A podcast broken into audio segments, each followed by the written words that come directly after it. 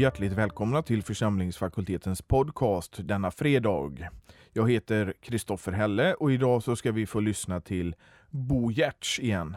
Och han ska tala om Änglar finns de, just för att det är Mikaelidagen nu på söndag. Är det så att du vill bidraga till den här poddens fortsatta arbete, då går det bra att göra det på Swish och då är det nummer 123 100 8457 och så märker man det med FFG Podcast. Nu Bo Giertz, god lyssning.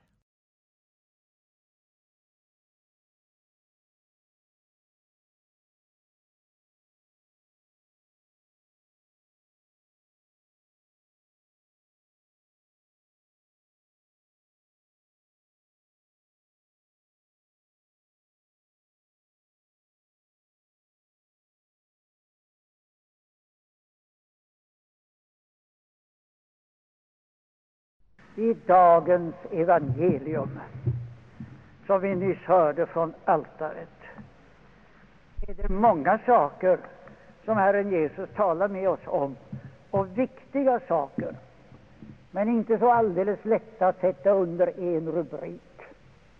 Och därför tänker jag inte försöka göra det, utan ta dem var för sig.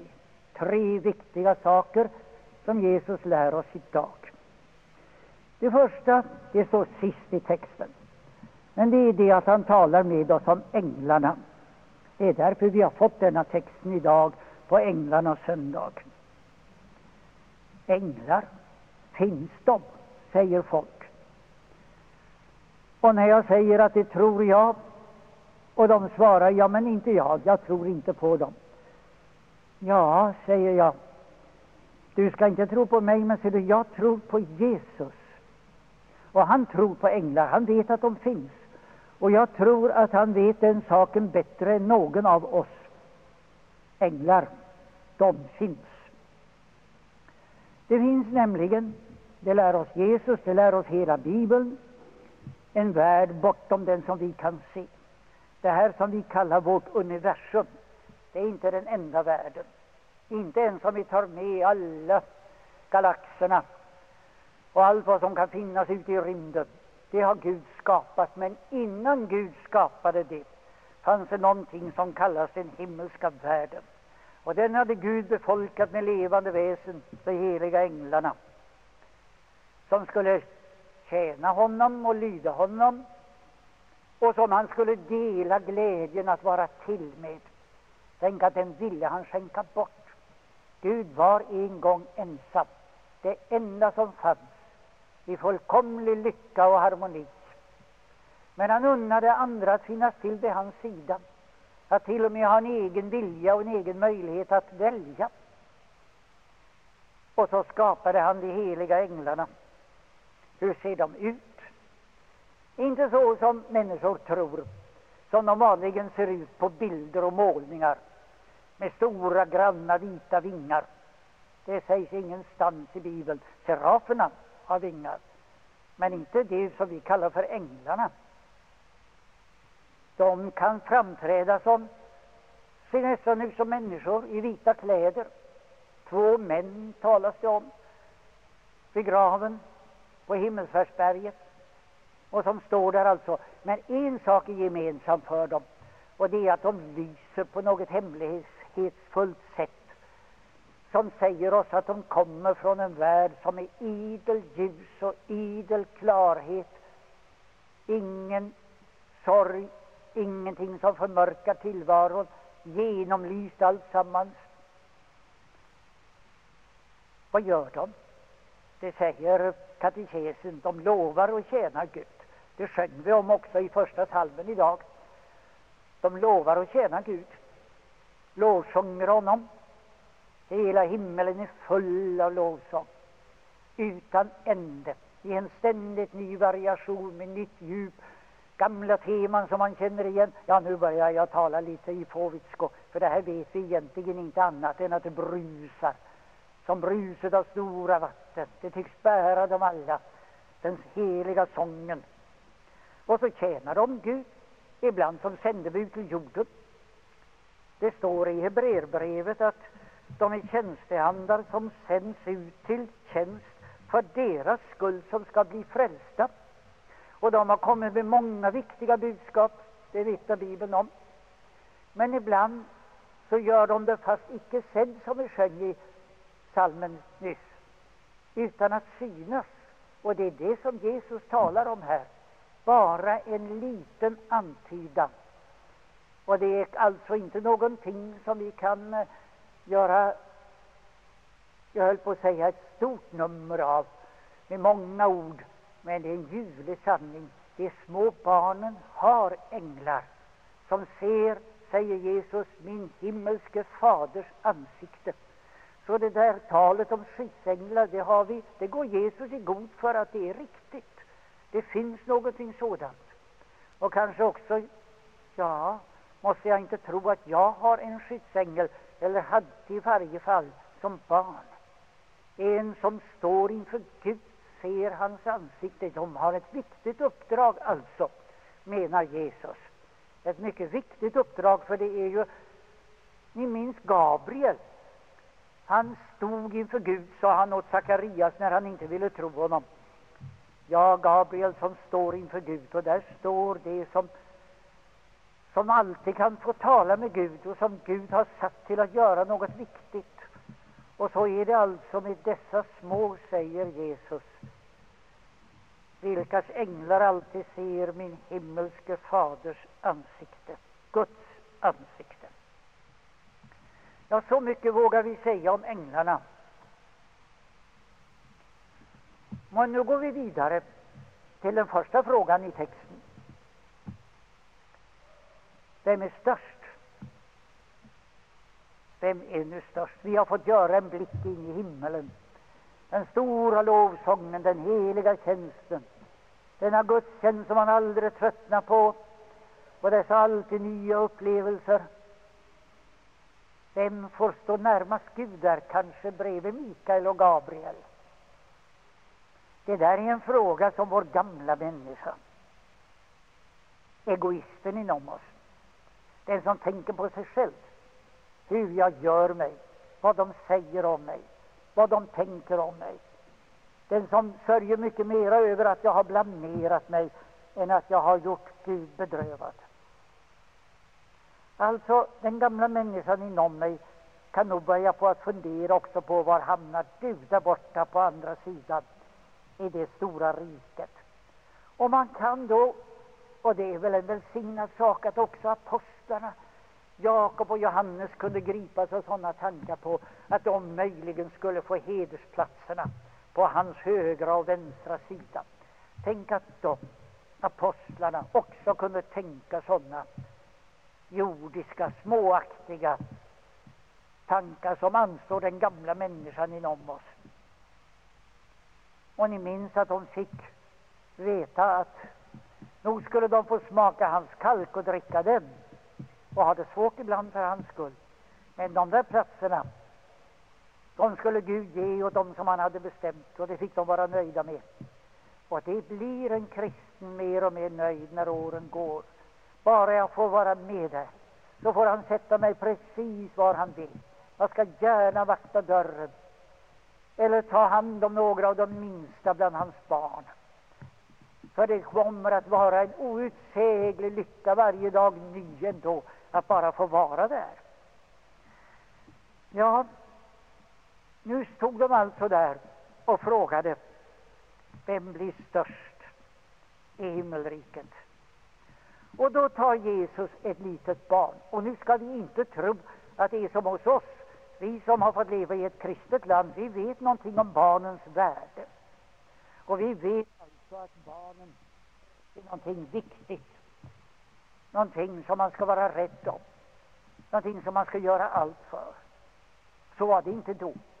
Barnen var värdelösa, sina föräldrar slavar, de kunde göra vad de ville, sälja dem som slavar om de ville, hade de full rätt till. Barnet hade inga rättigheter och ansågs inte duga till någonting. Det var det vanliga på den tiden. Och nu tar Jesus ett litet barn. Det lekte väl i närheten och han kallade det till sig och sa ni måste bli som det barnet. Bli som det. Det står i den nya översättningen att vi ska göra oss själva små. Men det är nog eh, det är inte ordagrant och jag tror inte det är så lyckat.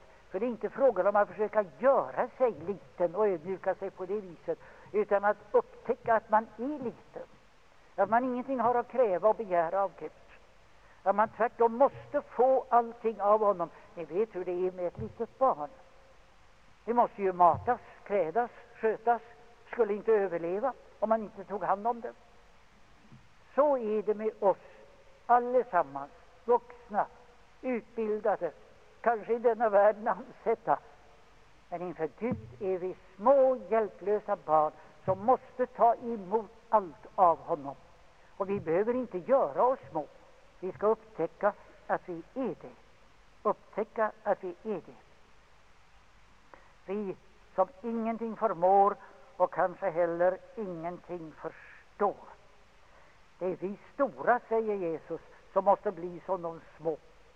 De små är närmare Guds rike, för de kan åtminstone inte konstra och göra motstånd. Och när Jesus tar dem i sin famn och välsignar dem, som han gjorde med oss alla i dopet, då är vi verkligen hos honom och får hans gåva. Vi kan inte ens visa den ifrån oss. Men när vi har kommit längre fram i livet så kommer svårigheterna. För vi har alla inom oss den där lusten att eh, vara någonting för oss själva och pröva på att klara oss ändå. Och många försöker leva år efter år på det viset. Och vad vi behöver, vad sa Jesus? Ni ska omvända er och bli så som detta barn. Omvända oss. Det betyder alltså att komma tillbaka, att följa Jesus, för att lära känna sig själv och lära känna honom. Och att lära känna sig själv, det är precis att upptäcka hur lite man duger till när det gäller det viktigaste, att älska Gud överallt. Att älska alla andra människor, de tråkigaste, besvärligaste, elakaste, lika mycket som sig själv. Bara vara kärlek mot alla. Och det bekänner vi söndag efter söndag att det har vi inte lyckats med. Och det är sanning. Det har vi inte. Då lär man känna sin vanmakt när det, gäller det viktigaste och sin oförmåga. Och då börjar man förstå vad det är att bli som ett barn. Det är inte att bli någonting högheligt och oskyldigt. Visst kan barnen te sig många gånger ljuvligt oskyldiga, för de har inte hunnit bli fördärvade. Men fördärvet bär de inom sig. Det är vi födda med. Man behöver aldrig lära ett barn att vilja ha största biten, eller att avundas, eller att vilja ha sin vilja igenom och försöka pressa sig till det med att skrika och skrika i det oändliga. Sånt där, det, det kan vi av naturen. Och även om ingen skulle lura barnen till det som är ont, så skulle vi ändå kunna ljuga, tänka på oss själva, slå och slå tillbaka. Men eh, nu är det så att bli som barn, det betyder att bli den som erkänner att du måste göra det, Herre, min fader. Det är på dig det beror. Jag kan inte klara det här själv. Och det är därför som Jesus har givit oss storebror, som Gud har givit oss Jesus som vår storebror, som tar sig an oss och som har gjort allt det som vi aldrig blev färdiga med gottgjort allt det som vi ställde till och som blev galet och som är den som får svara för oss och gör det. Detta är den sanna ödmjukheten att vi vet kommer då visa sig att vi också gärna tjänar, vi som vet att vi ingenting märkvärdigt är, utan är gärna med på att göra vad tjänst vi kan och vad gott vi kan. Att bli så som var man sträng, säger Jesus, då är man störst i himmelriket. Den som tjänar, störst är den som tjänar. Det där är alltså vad Jesus har att säga om att vara störst. Vi har en sak kvar, och det är en allvarlig sak. Han talar om förförelsen, om det där att komma bort och hur allvarligt det är. Så allvarligt att om man för någon annan bort, en av dessa minsta som tror på honom, så hade det varit bättre om han aldrig blivit född. Och det hade varit barmhärtigt om han kunde hamna på havets djup med en kvarnsten om halsen. Men det hjälper det inte. Det skulle vara alltså en bild av att få dö bort. Men Gud har en gång lagt evigheten i vårt bröst och leva vidare måste vi. Nu har Gud givit oss, precis som änglarna, möjligheten att, by, att välja själva. Och det gick galet med den gamle ormen som var en ängel från början, om, om vi kan läsa Bibeln rätt. Det är den vanliga tolkningen. Men som valde att hell, hellre öppna eget, styra själv, få avgöra vad han ville och inte ville, vad som var gott och vad som var tillåtet och vad som inte var det. Och så blev han ond när han skulle göra någonting annat än det som Gud ville. Men eh, nu är det ju så med oss lite var. Vi har denna fria viljan och denna möjligheten. Och väljer vi då att icke vara med Gud, hos Gud, under Gud, för allt som är hos Gud måste vara under honom. Väljer vi det, så får vi som vi vill i en annan värld. På andra sidan, vi som aldrig kan dö när det en gång har fått livet, men som inte självfallet får en plats i himmelen, för den är till för dem som lever av Guds förlåtelse, som har gått in under hans vida vingar, som vill vara hos honom, som har tagit emot Herren Jesus Kristus och som därför i sin uppståndelse kommer att förvandlas till hans likhet och bara vilja det som är gott och ingenting annat. Den som inte vill vara med om detta kommer dit i Bibeln kallar sig Gehenna, och så sa judarna. I den eh, nya översättningen som ni hörde har man satt in det gamla hedniska ordet helvete där. Jag tycker inte om det, för att ni ska inte tro att helvetet är sådant som det är målat i kyrktaken.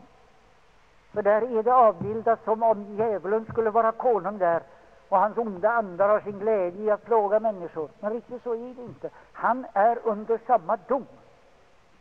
Och den enda om vilken det alldeles uttryckligen står att han plågas, så där riktigt alltså, det är den gamle ormen, det är den falska Messias, det är deras, den falska profeten, de som förförde mänskligheten. Men det är där, i mörkret, elakheten, borta, vad vi valde att slippa Gud och vi slipper honom helt. Och det ska vi ha klart för oss att den möjligheten finns. Och att den är, att den är svår. Den största olycka som kan hända en människa. Och därför säger ju Jesus här att det är mycket bättre att gå in i himmelriket som om man hade huggit av sig en hand eller en fot än att hamna där. Det är mycket bättre att, att, mycket bättre att, att avstå ifrån detta än att hamna på andra sidan. Det är den största tänkbara olyckan. Och där förstår vi felet med det livsprogram som står så högt idag, det där att förverkliga sig själv.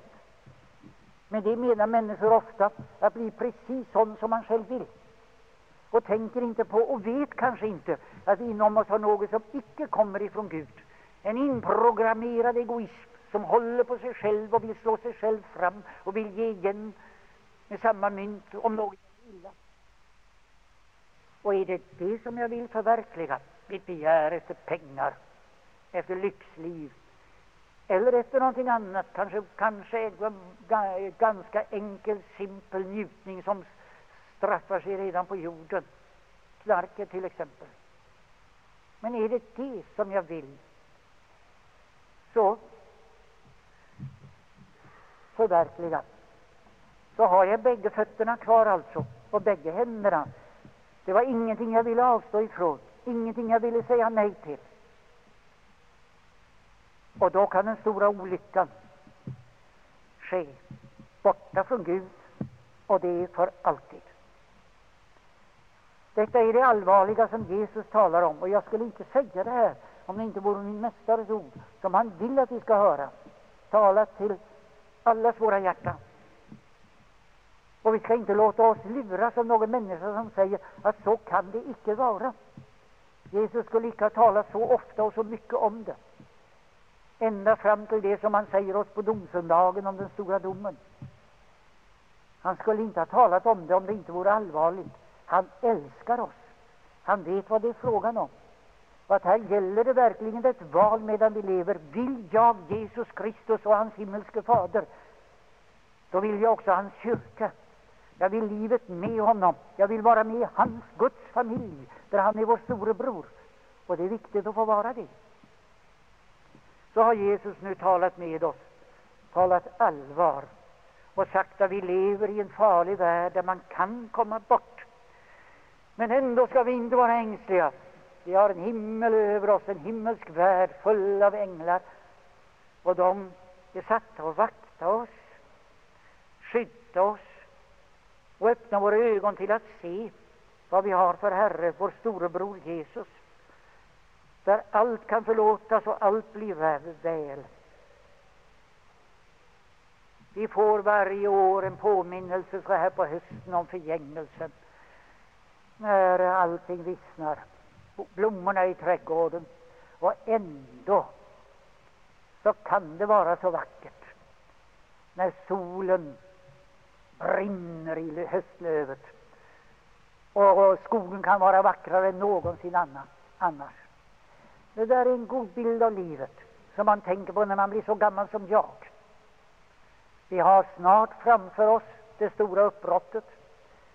Det mesta av mitt liv har jag levat, det vet man. För varje kväll tänker man, nu har det gått ännu en dag, ännu en dag mindre kvar. Men vi behöver inte frukta att det mörknar inte. Utan just nu, i höstens tid, så lyser färgerna klarast när man ser framåt och man börjar ana hur ofantligt obegripligt det kommer att vara, det som öppnar sig för våra blickar på andra sidan. Men Gud hjälpe oss att hålla vår Herre Jesus i handen i alla de frestelser som följer oss ända in emot slutet och leva med honom för att få vara med om den stora dagen. Den vår det svage kallar höst, som skalden säger. Det säger han om den här hösten. Men så är det också med, med livets höst och med döden. Det är den sanna våren som Jesus talar om. Och det blir så också i den yttersta tiden som blir så svår efter hans ord. Men det är då vi ska lyfta våra ögon, då nalkas sommaren. Det är som när fikonträdet skjuter blad i hans hemtrakt. Det är den ljuvliga, eviga dagen, sommaren som gryr. Det är gott, vänner, att få tro på Jesus. Det är gott att ha en frälsare. Det är gott att veta att vi får komma till honom dag efter dag. Ända in i den evighet där vi slutar att räkna dagarna som är kvar, för de tar aldrig slut. Amen. Låt oss bedja. Lovad vare du, Herre, för att detta är ditt ord. Vi förstår att det är din kärlek som ligger där bakom. Du vet det, Herre, och vi litar på dig. Och vi tar emot ditt ord och det du säger oss och ber dig nu, Herre, att du gör det så levande i våra hjärtan att vi aldrig kan glömma det. Och skulle vi gå bort, så ställ dig i vår väg och kalla oss på nytt och led oss ända hem till din himmelske Fader. För ditt namns skull. Amen. Så må vår Herres Jesu Kristi nåd, Gud vår Faders kärlek och delaktighet av hans helige Ande vara med er alla nu och alltid. Amen. Det var Bo Giertz som talade om Änglar finns de från 1986. Vi är tillbaka igen med församlingsfakultetens podcast nästa fredag.